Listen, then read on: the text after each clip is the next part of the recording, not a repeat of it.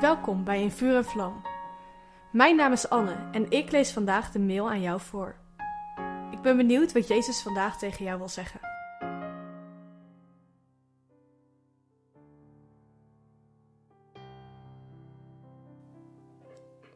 Steeds vaker merk ik het verlangen om even te ontsnappen uit deze drukke wereld en bij God te zijn. Ik trek me dan terug op mijn kamer waar niemand me ziet, behalve God. Soms bid ik, soms aanbid ik, en soms is het gewoon genoeg om bij Hem te zijn en te weten dat Hij bij mij is. De aanwezigheid van God is voor mij de belangrijkste plek. Ik geloof niet dat ik zou kunnen leven als christen zonder regelmatig met Hem te zijn.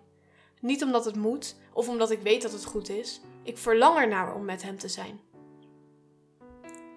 Het was Gods verlangen om bij zijn volk te wonen. Zie Leviticus 26, vers 11 en 12. God gaf aan Mozes de opdracht om een tabernakel te bouwen.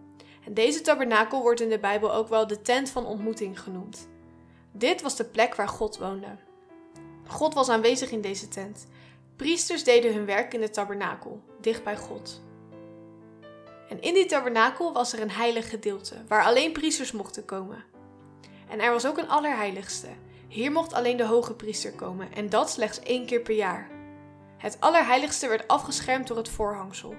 Dit was de plek waar God volledig aanwezig was. Het allerheiligste was gevuld met de glorie en de heerlijkheid van God zelf. In Marcus 15, vers 38 lezen we over iets bijzonders dat gebeurde toen Jezus stierf aan het kruis. En het voorhangsel van de tempel scheurde in tweeën, van boven tot beneden. Door de dood van Jezus kunnen wij in Gods aanwezigheid komen. Het voorhangsel is gescheurd en er is niets meer wat ons scheidt of tegenhoudt om God te ontmoeten. Als priesters mogen wij tot God naderen en Hem ontmoeten.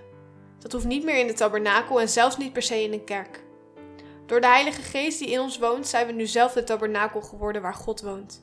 En dat betekent dat we Hem altijd en overal kunnen opzoeken en in Zijn aanwezigheid kunnen zijn. De Bijbel roept ons ertoe op om vrijmoedig tot God te naderen. Zie Hebreeën 4, vers 16. Dit betekent ongeremd, door niets tegengehouden. We mogen bij Hem komen omdat Jezus die weg voor ons heeft vrijgemaakt. In de Evangelie lezen we ook dat Jezus zich regelmatig terugtrok om te bidden. Hij zocht regelmatig de aanwezigheid van God, zijn Vader, op. De plek waar we God ontmoeten is de plek waar we onze kracht en hulp vandaan halen. Als we tot God naderen en Hem ontmoeten, worden we veranderd doordat we Hem leren kennen. Het is, alsof we in een spiegel kijken. We zien God, maar we zien ook onszelf zoals we bedoeld zijn. Zie 2 Korintiërs 3 vers 18. God is nog steeds heilig. Als priesters mogen we tot deze heilige God naderen om zelf steeds meer heilig te worden en om steeds meer op Jezus te gaan lijken. We kunnen alleen op Jezus gaan lijken door Hem van heel dichtbij te kennen. Wil jij de tijd nemen om God te ontmoeten en Hem te leren kennen?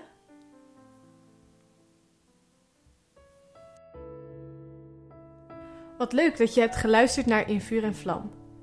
Heeft de tekst je geholpen om God beter te leren kennen? Deel In Vuur en Vlam dan met je vrienden.